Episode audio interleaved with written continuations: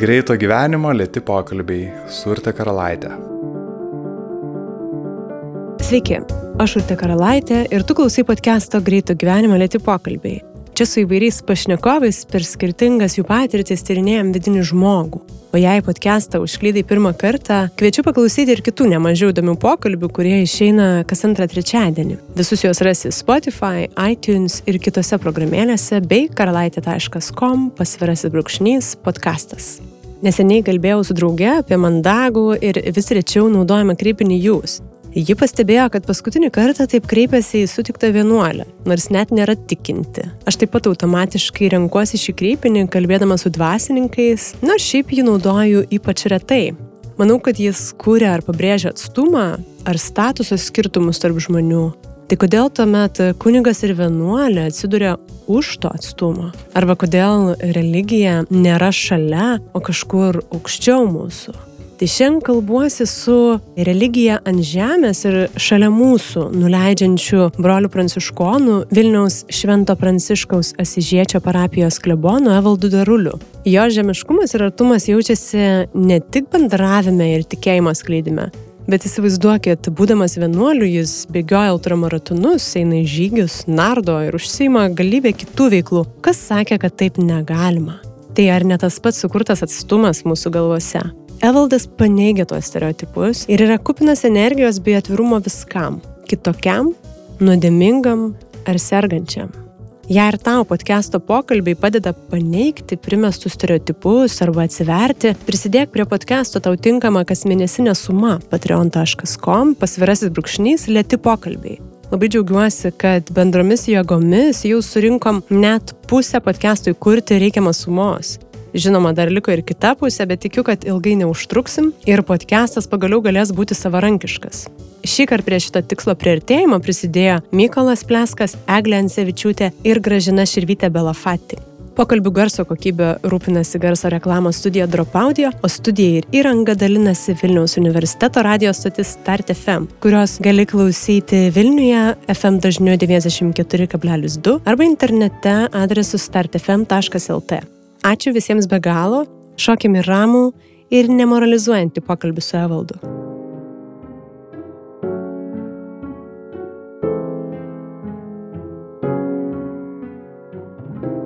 Sveiki, Evaldai. Labą dieną. Netoli jums atbėgti buvo, tai smagu, kad nesušlapot. Apie pranciškonus aš sužinojau būdama paauglė, tai jau daug, daug, daug metų, e, Kaune stipri bendruomenė irgi pranciškonų. Mano draugai paaugliai e, eidavo reguliariai mišes ir aš pati nekartą esu buvusi, tai visą laiką atrodo, kad tokia labai artima jaunam žmogui bendruomenė ir laisvesnė nuo kitų ordinų, tuom ir skiriasi galbūt.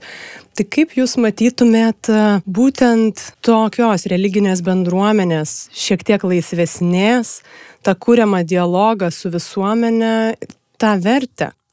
Galiu kalbėti daugiau gal apie mūsų pačių tą ordiną, jūs tikriausiai buvot Vitautiniai ar Jurgio bažnyčiai? Abiejose esu buvusi. Abiejose, tai nes mhm. pradžioje buvom Vitautiniai, paskui Jurgio perėm laisvesnė gal todėl, kad neturi kažkokio tai apibriešto dvasingumo ar, ar veiklos apibrieštos, kuri tiesiog įrėmintų į, į, į, į darbą kažkokią tai, sakykime, kaip mes vadinam, pašaukimą.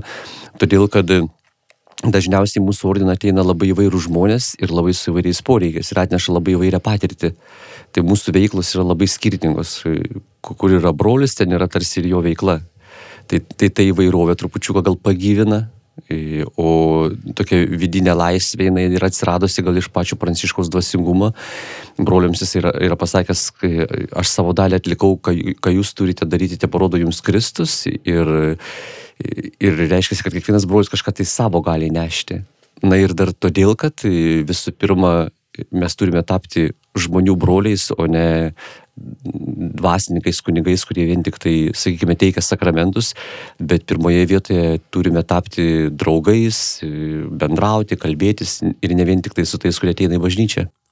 Taip, to vertę aš irgi labai matau, kaip jūs ir sakot, kad dvasininkas tuomet tampa šalia, tarsi šalia mūsų, o ne ant altoriaus e, kalbėdamas tarsi truputėlį iš aukšto, kaip galbūt e, kažkokiose bažnyčiose ypatingai ir architektūriškai tai būna suplanuota. Man labai patiko vienas iš įžadų jūsų ir būtent Švento Pranciškaus įvardintas, lotyniškai nepasakysiu, bet e, be nieko savo lietuviškai, tai apie turto neturėjimą, ar ne? Čia įdomu būtų pažiūrėti jau į jūsų e, paties santyki su tuo, priemęs tokį įžadą, atsiribojęs nuo šitų materialiųjų dalykų ir tos aplinkos, kaip jūs dabar suvokėte savo identitetą? Pranciškus kalbėjo itališkai, nelotiniškai, tai būtų sensanulė di proprio, be nieko savo. Ir mes netgi pasirašom tokį lapą oficialų kaip dokumentą. Aš kartais net pagalvoju, gal kartais kažkiek tai ir lengviau. Jeigu, pavyzdžiui, būtų žodis neturtas, tai tada tu visą laiką turėtum priekaištą ir sąžinės tokį, tarsi, jeigu kažką tai turi ir tau atrodo liktai daugiau, mažiau negu kiti, tai tokia vyktų vidinė kova, kuri tave vis tiek pririštų prie to mažo kiekio dalykų, kurių tu turi. O dabar, kai yra be nieko savo, tai pavyzdžiui, vienas brolis viename mieste naudojasi įvairiais darbo reikalais ar savo reikmėm mašina, kuriai yra 12 metų, o kitas gali kur 4 metai. Bet nedarai problemos, todėl kad tu žinai, kad tu išvažiuosi iš to miesto, paliksi tą vienuolyną, tai tiesiog paliksi tą vienuolyno įsigytą turtą ar dovanotą geradarių, kuris nepriklauso tau kai tu važiuoji kažkur tai kitur, tu vežiesi tik tai savo asmeninius daiktus. Ir aš juokauju, ir aš dar plus tris katinus vežuosi, nes tris katinus turiu. Ir kiekvieną kartą, netgi jeigu kažkokia tai dovana yra ypatinga, didesnė dovana, tu turi atsiklausti vienuolyno vyresnio arba paties vyriausio provinciolo, ar tu gali priimti tokią dovaną ir tada žmogui tu turi paaiškinti, kad jisai dovanodamas tau kažką tai, jisai dovanoja bendruomeniai, o ne tau asmeniškai. Tai tokia vidinė laisvė kaip ir atsiranda.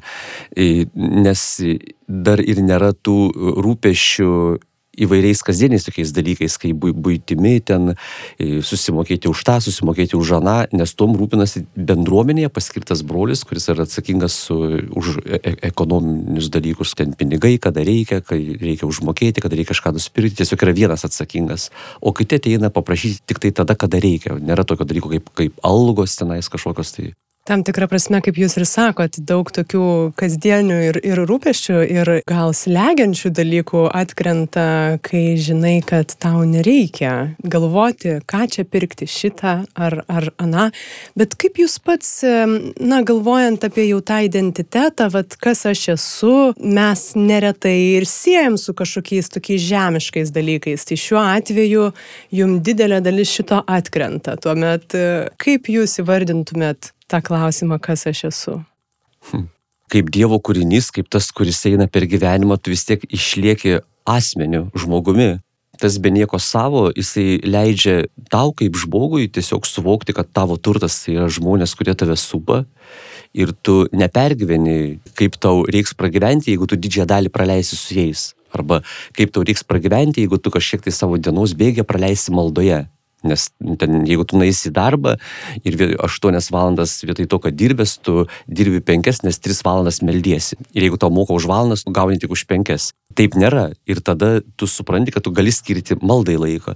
Lygiai taip pat su žmonėm, pavyzdžiui, jeigu ten dirbtum kokiam nors ten e, psichologų kabinete, pas tave ateina žmogus ir tu vis tiek turėtum nusistatęs kainą, tu žinotum, kad jie ateina, kiek kartų ateina, e, gal kartais pasąmonė išlystų noras, kad va, o, o jeigu kartais gal jisai galėtų dažniau ateiti, nes vis tiek matau, kad pasiturintis gali sauliaisti, nu, ir tada gali būti kokybė kristi tavo pokalbio su žmogumi, o kai tu žinai, kad tu tiesiog net nematysi, ar jisai paliko auką ar nepaliko Ir tada atsiranda tokia laisvė bendraujant netgi su žmogumi, kadangi tai nepriklauso nuo, nuo to, kiek tau užmokės, ar užmokės, ar paliks kažkokią tai auką. Griežtai yra, jokio santykio nėra, į rankas niekas nėra duodama. Paskui kita vertus, kai tu gyveni tiesiog kasdienį gyvenimą, pavyzdžiui, brolius krikštė, tuokia, aukoja mišes, tenais eina į parapijos grupelio sustikimus ir jis realiai ne, nežino, kaip ten, ar jisai rytoj turės duonos ar neturės, tiesiog jisai žino, kad viešpats pasirūpins ir tikrai bus. Taip mes kartais juokaujame, viskas yra gerai, mes tiesiog badu nemirsime. Jeigu reikia, kažkaip kitaip gyvensime. Didžioji dalis brolių turi ir profesijas įvairias. Žinau, kad būdavo per sunkius laikotarpius, kai, kai būdavo uždaromi vienuolynai ar tenais broliai išvaikomi. Tai jie tiesiog persirengdavo pasaulietiškais drabužiais ir jie tiesiog eidavo dirbti su visais kitais žmonėmis. Tie žmonės net nežinodavo, kas jie tokie yra. Ordinas šito ne, nedraudžia. Nu, kaip jis gali drausti, nu, pavyzdžiui, toks pavyzdys mažas, o, pavyzdžiui, sakykime, kai buvo sovietmetis, nebuvo vienuolynų, niekur nebuvo vienuolynų. Kretingoje šalia vienuolyno dirbo e, vyrukas, kurio vardas buvo Pauliukas. Jisai tvarkydavo žmonėm batus, vargšam visokiem, iš didžiosios dalies žmonių net nieko neimdavo, nu, šiais laikais jau ten nebūtų kokybiškai, jeigu ten jau kaip jisai tada darė. Nu, tuo metu, manau, kad daug kur darydavo taip labai paprastai, tvarkydavo tą avalynę ir panašiai. Jisai buvo brolis pranciškus pranciškonas. Kažkas žinojo, kažkas nežinojo, tiesiog jisai dirbo darbo, kaip, kaip gali uždrausti, jisai negali viešai. Kiti broliai išvyko į Ameriką, į Kanadą, tenais tęsė savo veiklą. Yra va taip, kaip, kaip ir yra. Visgi pasaulietiško brandaus gyvenimo jūs irgi ragavot ir turėjote keletą darbų už kuriuos gaudavote tą tokį materialų atlygį. Kaip pasikeitė jūsų santykis su pinigais, kai, kai dabar, na, žinoma, kad jūs juos matote, bet kaip ir vat, sakot, tai nėra jūsų? Į, į šį klausimą jokingiausiai, ką aš galiu pasakyti, kad man buvo vienas iš sunkesnių dalykų matematika visą laiką. Ir, ir tada, kada aš perėjau į Pranciškonų ordiną, tada, kai buvo ugdomasis laikotarpis, tai buvo galva apkrauta, žinai, gyventi pranciškonišką dvasingumą, mokytis iš brolio, kai buvo studijos, aišku, savaime buvo studijos, bet kai jau pradėjau gyventi po amžinųjų įžadų, jau visam gyvenimui gyvenimą, aš nuo to karto visą laiką prie pareigų esu dar paskirtas plus ekonomu aš neturėjau kol kas galimybės ne, nebūti juo ir, ir išgyventi tokį nesirūpinimą tais dalykais. Tai aš nepasprukau nuo to. Devulis padarė šposą. Toliau sukatės. Dar galvojant apie tos daiktus, materialėje gerovę, žmonės tas prisirišimas prie daiktų dažnai skaudina, sukelia kančią. Čia gal įdomu pažiūrėti ir plačiau, kodėl žmogui taip sunku paleisti ir kažkaip būti savimi be tų atramų tam tikrų, ar, ar žmogaus, ar daikto atramos ir turėjimo. Atrama kaip žmogus, jis galvoja, kad vis tiek turi būti žmogaus gyvenime, nes kai Dievas sukūrė žmogų, vyras sako, negera būti vienam, nu, tai natūralu iš pašaukimo, mes tiesiog esame reikalingi vienas kito ir tarp žmonių, pavyzdžiui, bendrystė, meilės santykis, tai yra atspindys Dievo meiliai. Pavyzdžiui, kai būna žmonės ateina ir, ir kalba, nu, aš va dažniau vis tiek pagalvoju apie savo vaikus, apie žmoną arba apie vyrą ten pagalvoju ir sako, kartais taip tokia baime atsiranda, kad kartais neskiriu to tokio dėmesio ir meilės Dievui. Tai aš tada tam žmogus sakau, tai yra normalu, tai yra žmonės, kuriuos tu myli, su kuriais tu būni, tik tai neužmiršk, kad tu juos mylėdamas iš karto myli ir Dievą tuo pačiu, nes tai yra tas pats ir viena. Materialūs dalykai, tu nuo jų nepabėgsi. Ir kartais, kai būna, sako, aš atėjau į pranciškono ordiną tam, kad pabėgčiau nuo pasaulio, tai tada tam jaunuolis, ko tu dar labiau įklimsi, tavęs sub žmonės, jie norės bendrauti, kalbėtis. Ir, ir, ir kartais reikia įvairių dalykų. Ir, ir pavyzdžiui, pranciškono ordinas visą laiką pasižymėjo, kaip pasakyti, kaupimu kas atrodytų tarsi, kad nu, nesusiderina su pranciškonišku dvasingumu.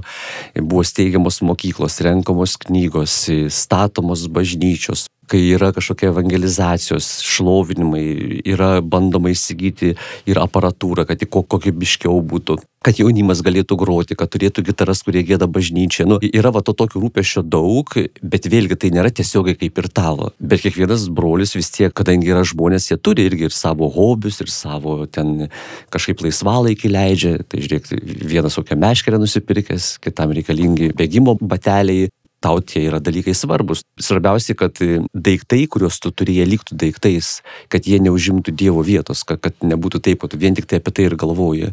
Tai va, tai ir blogiausia, ką duoda mums materializmas, kada tau ateinantis pinigai, turtai, nusipirktos prekes įstumia Dievą, gal netgi pačius žmonės įstumia ir vien tik tai tai rūpi. Bet jau dabar tas yra trupučiukas sumažėjęs, dabar gal daugiau virtuali erdvė, internetas pradeda stumti, atsirado dar kitas trūkdis žmogaus gyvenime. Tiesa, bet vat, ir socialinėse erdvėse, ir, na, toj skaitmeninėje erdvėje, ką jūs minite, dažnai irgi žaidžia tie patys veiksmai, kad e, aš, aš rodau, e, ką turiu, kaip gyvenu, kokie mano drabužiai ir, ir tą materialų, tai tarsi tas nedingsta ir tokio ir, ir lyginimosi, ir norėjimo tuomet daugiau, kai pamatai, kad kitas e, turi kažką gražiau. Nes anksčiau mes tarsi, na, gatvėje išėjęs pamatydavai, nežinau, va, rankinukas, batai, o aš ir tokių norėčiau. Dabar tas yra dar labiau prieinama. Manau, tas žmogų labai dirgina. Čia gal dar norisi truputį grįžti. Jūs minit e, tą žmogaus prisirišimą ir jūsų kontrastas, kad jūsų daiktai jums tarnauja, yra naudingi, na, kuriuos vienuolynę turite ar, ar gitaroms ar kažkam. Bet pasauliečių santykis yra kažkoks kitoks, ar ne? Ant to stato vat, vietoj Dievo, ar ne? Nu, nebūtinai. Ar vietoj Nuo žmogaus priklauso. be abejo. jo. Tai lygiai taip pat ir ordinė gali būti visų, visokių brolių. Tai būna, kad ir su, suklumpi ir, ir, ir, ir, ir užsimiršti, pasimeti, paskui išpažįsti, vėl bandai gyventi kitaip. Nu, tai nėra taip, kad mes kokie nors ten angelai dangui sėdintys. Mes esame tie patys žmonės kaip ir visi kiti. Ir taip kaip pasaulyje, lygiai taip ir vienuolynuose ir, ir tarp kunigų gyvenimuose, nu kaip visko yra, visko yra, visko pasitaiko kiekvieno žmogaus gyvenime. Nesam šventi, kol gyvenam, tai mes tiesiog kovojam, mes va dabar irgi draugę kalbamės, mes mastom garsiai, mus girdi žmonės, mes kalbam tai, kas yra idealu, apie tai, ką galima būtų apie ką netgi svajoti ir kuom gyventi. Ir manau, kad toks gyvenimo stilius, jisai tiesiog yra yra gražus visiems. Va, tie idealai, kuriuos kalbėjo Šventasis Pranciškus, aš nemanau, kad jie tinkami tik tai pranciškonam, vienuoliam.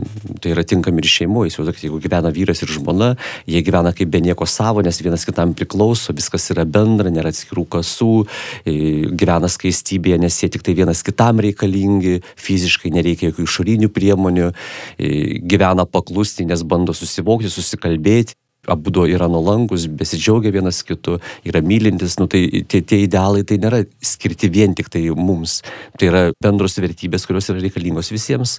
O kaip jums atrodo, kas žmogų va, tam pasaulietiškam gyvenimo būdė labiausiai įsilegia? Dabar pas žmonės jaučiasi daug baimės dėl ateities, negatyvu tampa įsipareigojimas, ypač jeigu kalbam apie darbą, apie ateitį, ypač kai su jaunimu pakalbėt, nu, žiūrėk, pradėk va tą dalyką ir, nu, ir visą gyvenimą. Ir jam iš karto baisu visą gyvenimą, nes nori tarsi kažkokios įvairovės. Anksčiau buvo įprasta, kad įgyjęs profesiją daugiau mažiau lieki joje. Na, dabar lyg ir normalu yra kažkaip varijuoti ar, ar pabandyti, bet jaunas žmogus jūs sakot, kad tik pagalvojęs apie tai iškart tarsi išsigasta. Kas čia gali gazdinti, kodėl? Aš nežinau, nu, gal pagalvoju, negi dabar visą laiką šitoje vietoje būsiu, negi tik tai tą ir darysiu, negi tik čia va ir gyvensiu. Nesakau, kad čia būtinai visi. Tai gal dėl to ir netgi sumažėja tų, sakykime, pašaukimų vienuolynus į kunigystę, todėl kad tu ateini ir tu visam gyvenimui turi duoti įžadą, kad tu gyvensi būtent vienuolynę, pasišvesi Dievui. Kartais žmogų tai gazdina, mato tame begalinį grožį, tenais pavyzdį, tiesiog kažkokią tai idealą, bet nesirenka to vien tik tai dėl to, kad reikia įsipareigoti. Karts nuo karto atvažiuotų pagyventi. Na, čia visą laiką patogu yra, kai mes galime rinktis truputį iš to, truputį iš ano, be įsipareigojimo, ar ne? Čia gal tas ir santykiuose galiotų, nežinau, Jo, jo. kiek jūs pastebite ir tarp esmeniuose, ir, ir poros, partnerystės, a, įsipareigojimo, baime, net nebūtinai kalbant apie santoką, bet a, yra turbūt. Jo. Ko jūs labiausiai nepasilgstat iš pasaulietiško gyvenimo jūs pats? Nepasilgstu. Tai žmogus greičiausiai nepasilgsta pykčių, barnių, nesupratimo, nesusišnekėjimo, įskaudinimo. Pavyzdžiui, kai aš dirbau kažkada tai linų fabrike, ten buvo labai gražus kolektyvas, aš su juo gerai sutardavau, bet kartais atsirasdavo tokių va, nesusipratimų, ten apkalbų, kažkaip vienuolynė, ne, nežinau, nėra tokio dalyko, kad tie broliai susėdo ir dabar, žinai, ten visi pykstasi krūvoj, žinai, arba tenais pradeda apkalbėti kažką tai. Tai to aš nepasilgstu. Arba tokios kovos dėl konkurencijos, dėl vietos, dėl vyresnio dėmesio. Gal tik tai aš, bet aš tai nejaučiu to. Bet m, kai dirbau mokykloje, tai tas jautėsi labai, pavyzdžiui, kaip kiti nori ten direktoriaus akivaizdai, kad ir mokytojai suaugę jau tai panašiai, va, išgirsta, kad kitam labiau sekasi su vaikais, tai da, vėl kažkokį tai, tai sakinį pasako. Bet viskas yra labai gražu, čia visur taip yra, bet tik tai dabar trupučiuką mažiau yra. Tai čia ir pavydas, ir tam tikras nenuoširdumas, na, jeigu jūs kalbate apie apkalbas, kad ne, negalėjimas kažkaip Ir spręsti. kartais būtent apkalbos tiesiog dažniausiai gyvenime nėra tiesiogiai piktybinės. Dažniausiai būna tai tiesiog spontaniškos ir tada bandymas parodyti save, tokiu kaip ir geresniu arba suvokiančiu idealą. Ir paskui jau žmogus vėl susivokia, kad vis dėlto tai buvo apkalba. Kaip žmogus tiesiog visą laiką yra e, ieškantis gerbų ir tiesos, bet kokiu atveju ir išgyvenimo. Ir, ir kartais atsitinka taip, kad, va, taip įvardinkim, nuodėmė arba klaidingas gyvenimas, pažiūrėjau, kažkoks tai apkalba ar dar kas nors, jinai e, tampa negatyve, bet tiesiogiai ne iš karto yra pasirinkimas tą žmogų sutrinti su žemė ir sudirbti. Nu, čia jau turi būti jau pasiektas dugnas, jeigu tai įvyksta, kada jau tave įskaudina ar dar kažkaip, arba ten, pavyzdžiui, kai jūs kalbėjote apie pamatėte rankinę gatvėje, kažkokią nešasi rankinę ir jums to, tokios kaip ir norėtųsi, ne? Nu tai nėra, kad dabar kitas galėtų sakyti, nu va, matai, aš iškart geidžiu svetimo turto. Arba norėčiau tokios, tarsi tu geistum tos rankinės. Galima sakyti, aš tokios noriu, bet aš nenoriu va to svetimo. Galima ir negatyviai, ir pozityviai. Tai vėlgi tiesiogiai tai nėra kažkoks tai negatyvus dalykas, bet tu kaip pamastysi, kaip tu prie jo prieisi, nu va, graži rankinė, kokia faina, gal ir man būtų neblogai turėti, nu bet aš dabar turiu kažkokią tai. Bet dar galvojant, e, mūsų aplinka vis tiek mums daro įtaką ir vat, jeigu kažkokios tai apkalbos vyksta, tai tu pats jau žiūri, kad jau kažkaip truputį ir, ir pats ten prikiši nagus.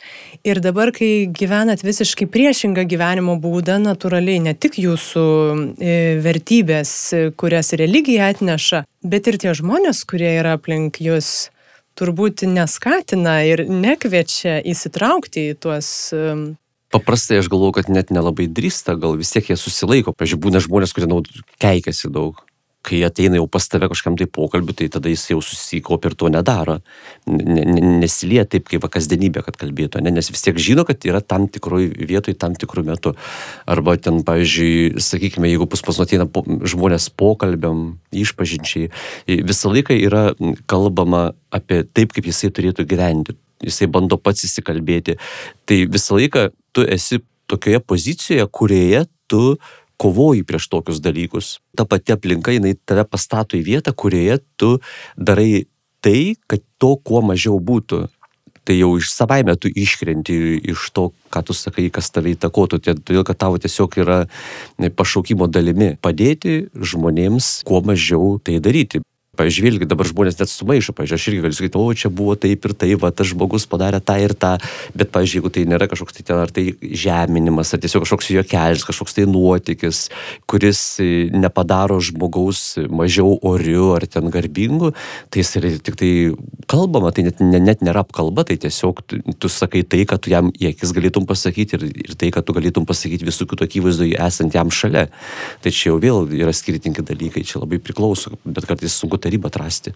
Čia įdomu paminėjot, kad vat, žmogus, kuris keikiasi, pas jūs atėjęs ar ne, jau iškart kažką tai sulaiko. Religija, bažnyčia, dvasininkai visus e, mus priverčia truputėlį pasitemti. Aš manau, kad labai priklauso nuo žmogaus. Aišku, tie, kurie nori pokalbio, išpažinties, ateiti ir bendrauti, taip. Bet kitą kartą gali būti žmonių, kurie yra pikti iš šalies, kuriems tas pats, kad tu esi kunigas. Visiškai tas pats. Susidurėt su tuo?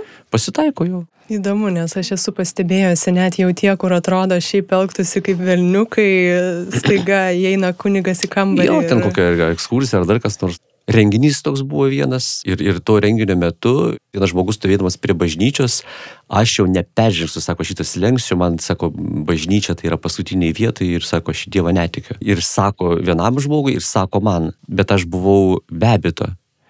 Ir jis nežinojo, kad aš esu kunigas. Bet paskui to renginio metu aš turėjau tą bitą užsidėti.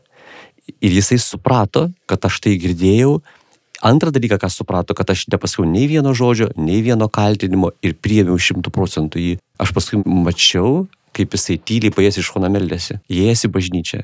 Tai va, užteko tik tai nesureaguoti ir viskas.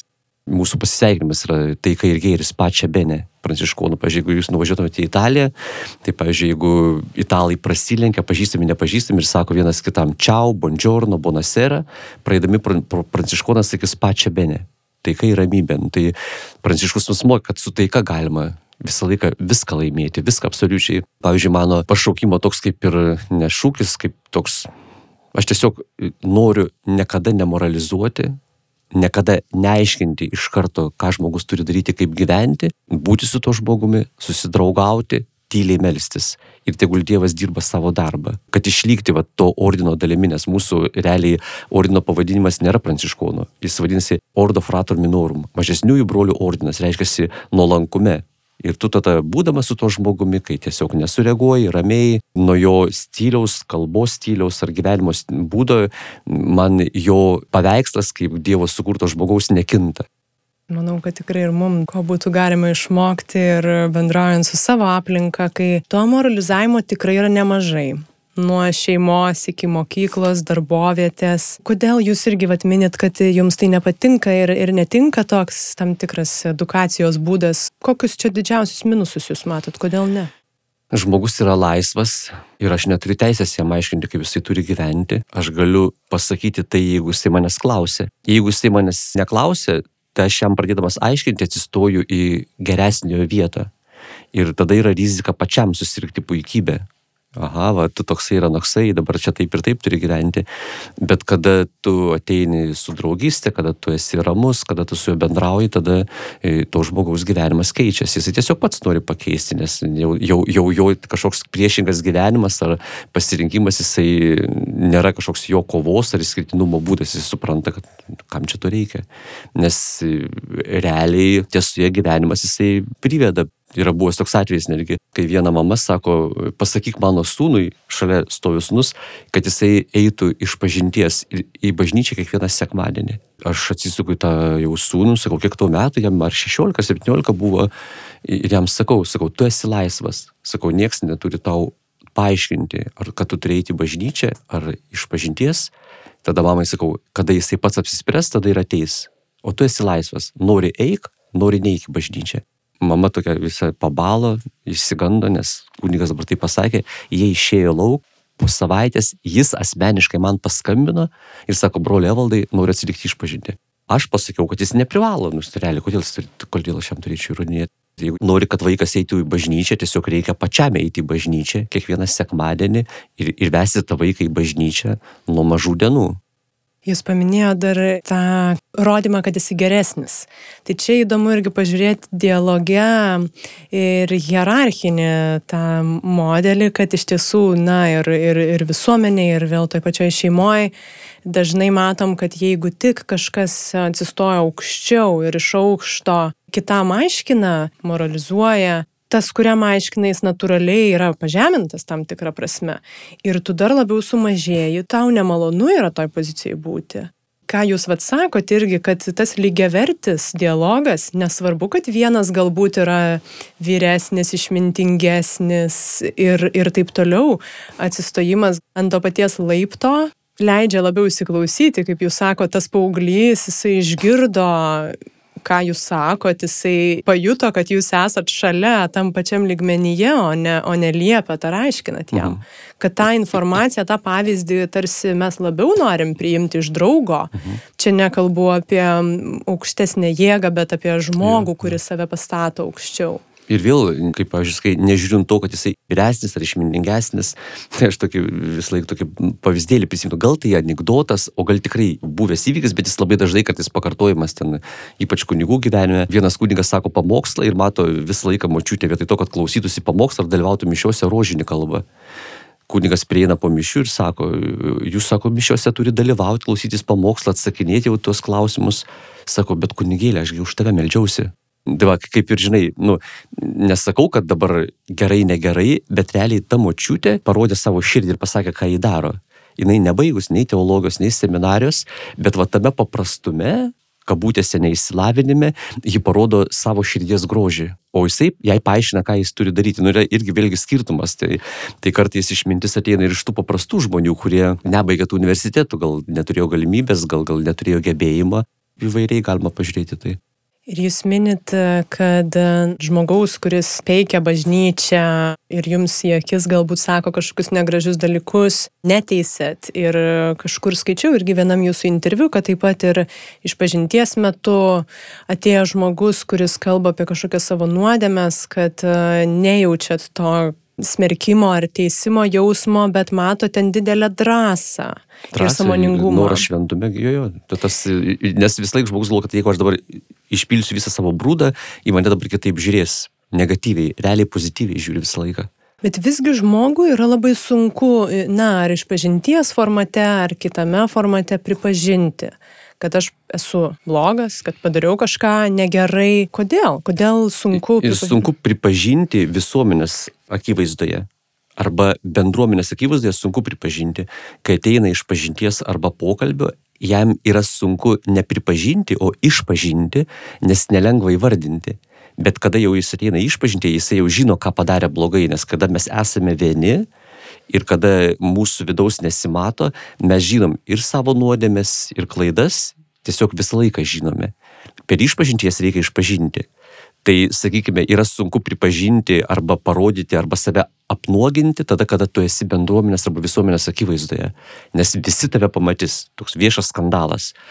Bet kai ateina žmogus, tai jam tiesiog nedrasu kunigui sakyti. Tai sunku išpažinti. Bet jeigu supranta, kad kunigas tikrai yra tas, kuris e, supras, kuris tikrai ne, neįvardins tavęs kaip kažkokio tai, nežinau, ten bilia kokio ten nusidėlę, tada tas žmogus sugrįžta iš pažinties kaip iš šventę realiai, jis laik, vis laiką žino, kad gali ateiti, susitaikyti, kad, kad yra visiška ramybė, visiška drąsa, tokių žmonių yra daug, bet tam reikia patirti tą.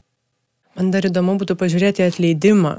Keliuose pokalbiuose paskutinėme kalbėjau su Milda Bliumenzonienė ir apie kalinius ir nusikaltelius labai sužalojusius kitų žmonių ir šeimų gyvenimus. Ir čia įdomu vat, pagalvoti, kodėl yra sunku visiškai atleisti. Kas tai yra per procesas, kas čia per barjeras yra.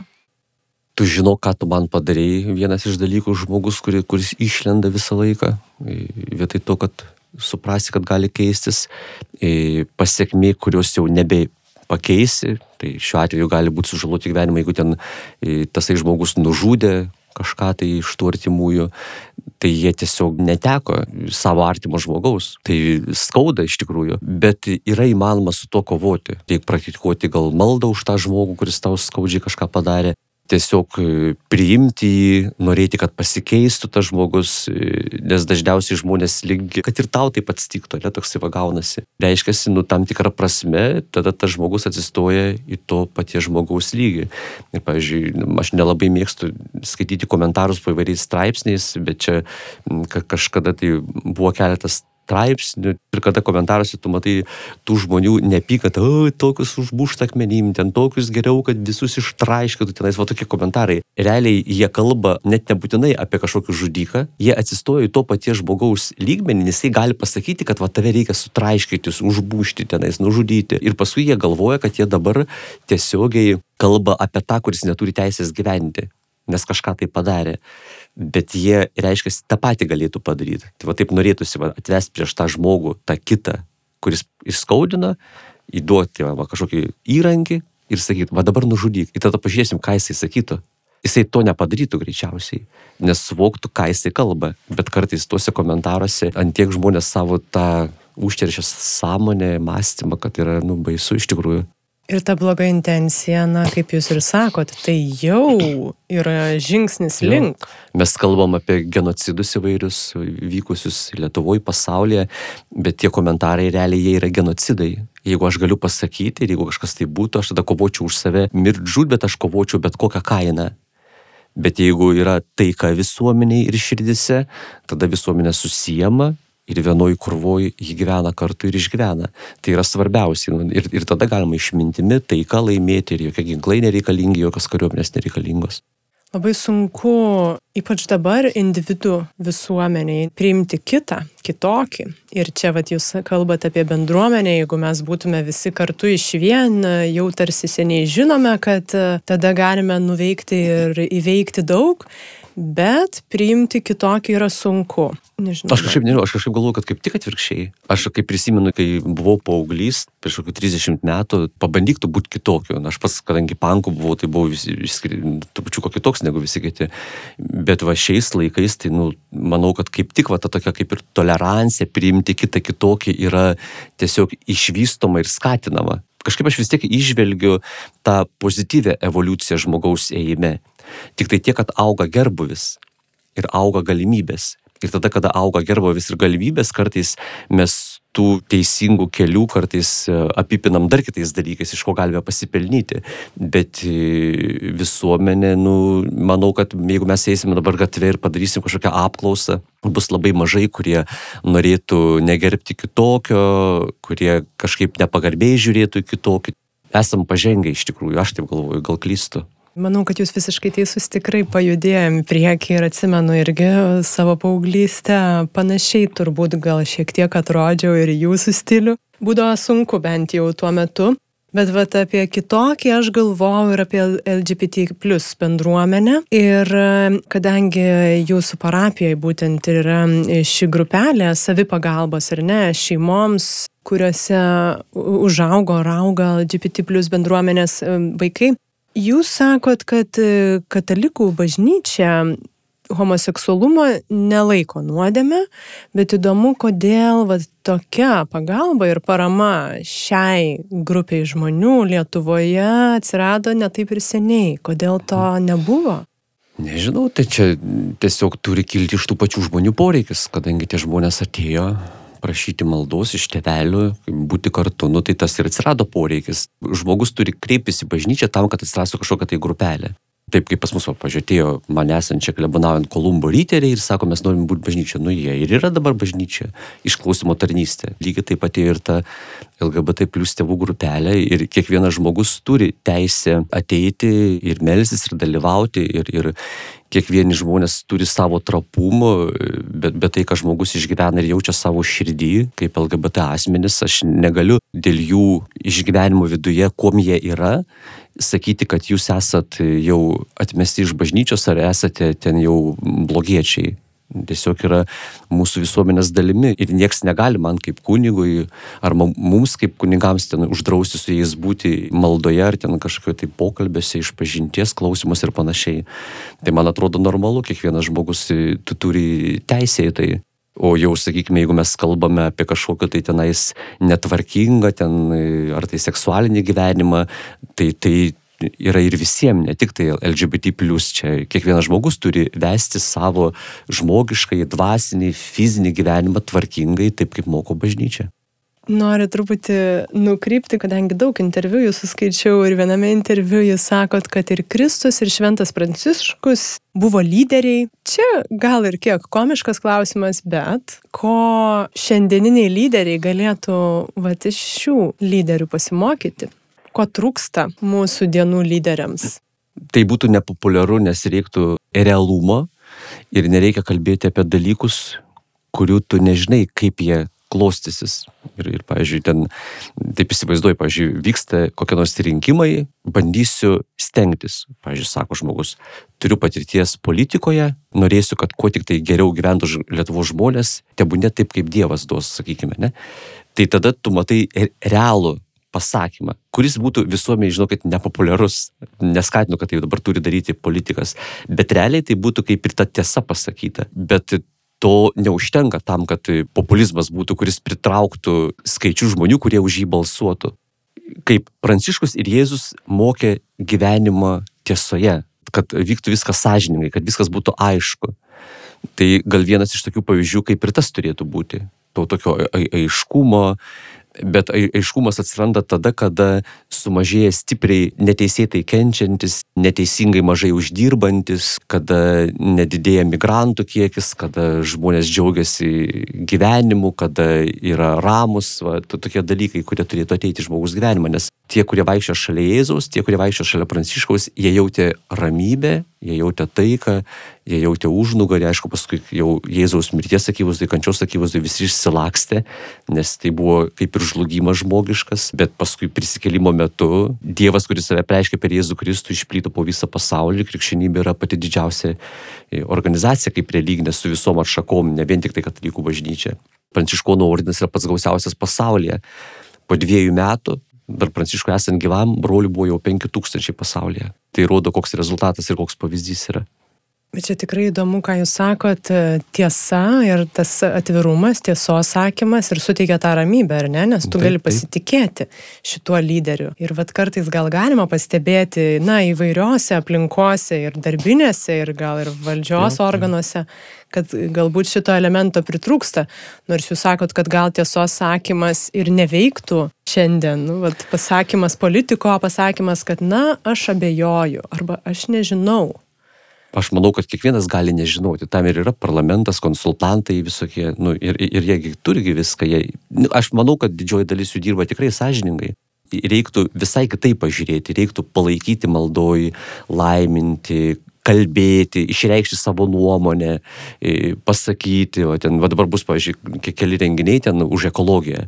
Jaunimas renkasi tenais vienais į katedros aikštę, paskui Gediminų prospektų bus eisena. Nu, tai nėra, kad aš dabar pykstu, va jūs dabar žinokit, kad va dabar va, bus skandalas, mes padarysim akciją. Tai nėra skandalas. Tai yra savo nuomonės išreiškimas, kuris padeda ne tik tai politikam, bet ir visuomeniai žinoti, ko mes norime. Nes mes iš karto, jeigu jau piketas, tai jau įsivaizduojam vos net ten akmenis skraido skraido. Nu, nėra taip iš tikrųjų. Tai galima į tai ir pozityviai pažiūrėti. Savo nuomonės išreiškimas tai yra labai svarbu.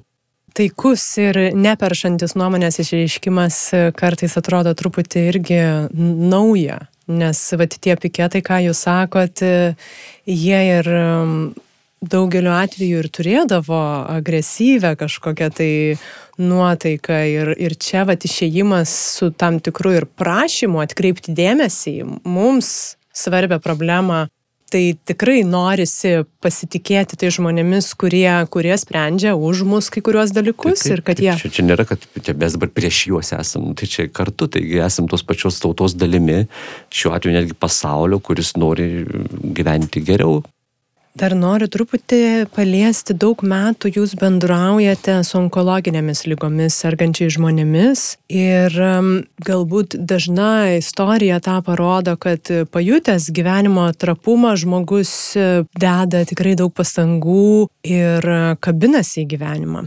Bet kaip vad būtų galima su tokia pačia jėga kabintis į gyvenimą, nelaukiant, kol smoks lyga? Ne visą laiką nuo merdėjimo žmogus susirga. Yra kartais ir sportininkas taiga susirga. Niekad nežinosi, kas gali susirgti, nes kūną mes turim tai laikiną. Tam, kad tu galėtum taip kokybiškai gyventi, pasistengti gal pradėti ir gyvenimo būdą kitokį, judesio atžvilgių, maitinimuose atžvilgių, maldos atžvilgių, kad tau būtų gera neužsidaryti tokioj neveikloj, merdėjime. Tai niekada ne, nepriveda prie gero, reikia pajausti tą tokį gyvenimo pozityvų tokį šėlsmą. Gali atrodyti keistai, bet aš manau, kad labai svarbu, kad žmogus kiekvienais metais tikrintųsi savo sveikatą. Nuo A iki Z. Viską pasitikrintų, tai va yra geriausia prevencija. Tarp kitko, mūsų netgi normos numato pranciškonų, kad kiekvienas brolis privalo kas metus tikrinti savo sveikatą. Čia gal norėtųsi dar pagalvoti ir apie žmogaus artimą aplinką, susirgusio žmogaus nes tikrai neretai turbūt pasimeta žmonės. Jie nežino, kaip padėti Kaip aplinka galėtų padėti žmogui susirgusiam? Ap, aplinka tarsi susirga draugės su juo. Dabar gal biški mažiau, bet, bet, bet vis tiek dar didžioji dalis onkologinės lygos žinia priema kaip vos nemirties nuosprendį. Kai net nedidžioji dalis miršta nuo onkologinės lygos, daug kas pasveiksta, daugam yra remisijose vėžys. Jeigu pasižiūrėsim statistiką, tai dažniausiai nuo kraujotako sutikimų, širdies įvairiausių miršta žmonės. O čia užtektų tik tai pakoreguoti savo gyvenimo būdą, o nuo onkologinė lyga vėlgi yra gydoma, kaip sakiau, svarbiausia prevencija. Ir kita vertus reikia suvokti, kad tai yra įveikiama, kad tie žmonės, kuriuo aplinkoje susirgo artimas žmogus, šneki realiai kaip apie lygą, nu, tai, tai tiesiog tai įvyko, ten nereikia stengtis visai tenais vaidinti kažkokių ten, ten be emocijų stengtis, kad nepastebi, viskas gerai, nu, galima kartu ir įsižliumti, irgi ne pro šalį bus nueiti pasikonsultuoti, yra psichologai, yra dvasininkai dirbantis, nuvažiuoti mūsų, kad ir onkologijos centrą, kuris yra Klaipėdai, Lietuva nėra didelė, kaip Amerikoje nuo vieno miesto iki kito, arba kaip per vieną miestą pravažiuoti. Ir, ir tenais irgi yra ir, ir dvasinė, ir psichologinė pagalba, įvairios terapijos, jos tikrai padeda žmogui nurimti, Dar kitas dalykas, tikinčiam žmogui labai svarbu suvokti, kad tai nėra iš Dievo, nes kartais galvoja, kad jį baudžia, jį nori dabar kažką jam pasakyti, kažką parodyti už jo gyvenimo praeitį. Dievas nori jo kaip tik sveikatos, kad, kad nori, kad jis pasveiktų. Dar noriu grįžti prie jūsų. Minėjot, kad e, greitai važiuosite į Sardiniją, berots ar ne? Taip, Sardinija. Bėgimas interviu daug nekalbėjau apie bėgimą, nes kiek skaičiau visur apie tai, tai kas norės tikrai e, paskaitys, tai taip, tai jūs bėgiojate ultramaratonus ir minit, kad e, tai reikalauja ne tik fizinio pasirinkimo ir nors ir daug metų bėgiojat, kokį iššūkį vis dar jaučiat galbūt toje veikloje? Yra, ten yra daug yra galvytėjai turi, pažiūrėjau, dabar va bėgsiu ten Sardinijoje, tai tu pasižiūrė, ten maitinimosi punktus, kur ten kažką gali pasikeisti, kai įsidėti, kiek įsidėti maistuko, e, kur reikės daugiau vandens, e, kur reikės biškai greičiau pabėgti, kur bus, bus, bus galima ramiau, kad atsistatyti, kur yra įkilimas. Tai, pavyzdžiui, jeigu tu bėgi nuo iki maitinimosi punkto prieš paskui kito įkilimo metu, tai bėgi ramiau, kad nepervargtum, paskui lipi. Na, nu, aš, aišku, iš to negyvenu, rezultatų nesiekiu, man svarbu įveikti. Aišku, reikalinga nepalūšti, reikalinga psichologinis pasiruošimas, nepalūšti, neišsigasti. Paprastai, kas, kas bėga tokias distancijas ir jeigu jau tu bėgi ne pirmą kartą, tai, tai, tai tu tiesiog išbėgi ir grožiesi gamta, Dievo kūrinyje. Taip kartais atrodo tai, kad yra e, lengviau subėgti 100 km ultra negu 41 maratoną lygių keliu. Todėl, kad tenais yra ir kalnas, ir pakalnė, gali būti lietus ir saulė, upeliai čiurlena, paukščiai čiulba ir, ir, ir va, tas va, toks va, tų žmonių palaikymas, tu pažįsti tą kraštą, gamtą. Man yra lengviau bėgoti ultra. Bet jūs minit, na, parodėt, čia nesimato, bet kad galvai yra krūvė ir to psichologinio pasiruošimo. Tai visgi yra didžiulis laiko tarpas, kai esi vienas su savo, nežinau, mintimis ir kažkokiam panikom galbūt. Tai vad, kas ten vyksta ir kam ten reikia pasiruošti? Nu visai būna, tai smegenys gali net pagaminti ir, ir, ir, ir nuovargį, ir skausmą, ten tu kovoja, organizmas gali prieštrauti tavo veiksmam, kuriuos tu darai, tu turi vis tiek susimti ir bėgti. Tau aišku padės įsiskiriantis įvairius ten cheminiai veiksmai, kurie vyksta galvoje, visą laiką gali padėti, nes daug visokiausių emocijų, bet reikia neįsigasti ir tiesiog žinoti, kad tu vis tiek subėgsi iki galo. Nu, jeigu kojos dar nenutrūko, tai ir subėgsi. Bet jeigu tu bėgi ramiai, tai būna, kad tu įveiki gan nemažą distanciją, jeigu nelenktyniauji ir tau nei, nei skauda, nei, nei sunku, tiesiog visiškai ramybėsi. Bet galvoti taip, yra, yra buvę tokių bėgimų, kuriuose man teko tikrai daug kovoti su savo vidumi, netgi noras pabaigti, viskas, nu, nusijimti, nebebėgti. Yra tai buvę ypač vieną kartą, kai ten 8 km nudribau ir kai susižalojau savo kelienus, tai skaudėjo labai. Tai paskui prajudėjus liktai buvo gerai, paskui jau paryčiais, kada biški sukylo temperatūra nuo uždėgymo, tai jau išsigandau, nes per, per visą naktį nebuvo jokių galimybių savo susitvarsyti kojas, turėjau vienintelis pleistrukus tam, kad, kurie netinka iš tikrųjų, nes jie skirti tik tai mazuoliam, bet kad nebėgtų kraujai per kojas, aš juos vis tiek užlipdžiau, kol ryte buvo tasai maitinimusi punktas, išgėriau vaistukų nuo uždegimo ir, ir toliau bėgau, bėgau, bet paskui, kai buvo maždaug 110 km, tai man buvo tokia viduje tokia krizė, nu galvoju, viskas, tai liktai skauda, ten tik patinė, galvoju, nu jau šimtas subėgau, jau nusimsiu, bet vis tiek jau garbingai, jau šimtas subiškiai jau bus, jau galvoju, nu vis tiek jau jau. Bet paskui galvoju, nu vis tiek tiek atvažiavus, tiek, tiek besiruošus dabar nesubėgti dar likusių 20 km.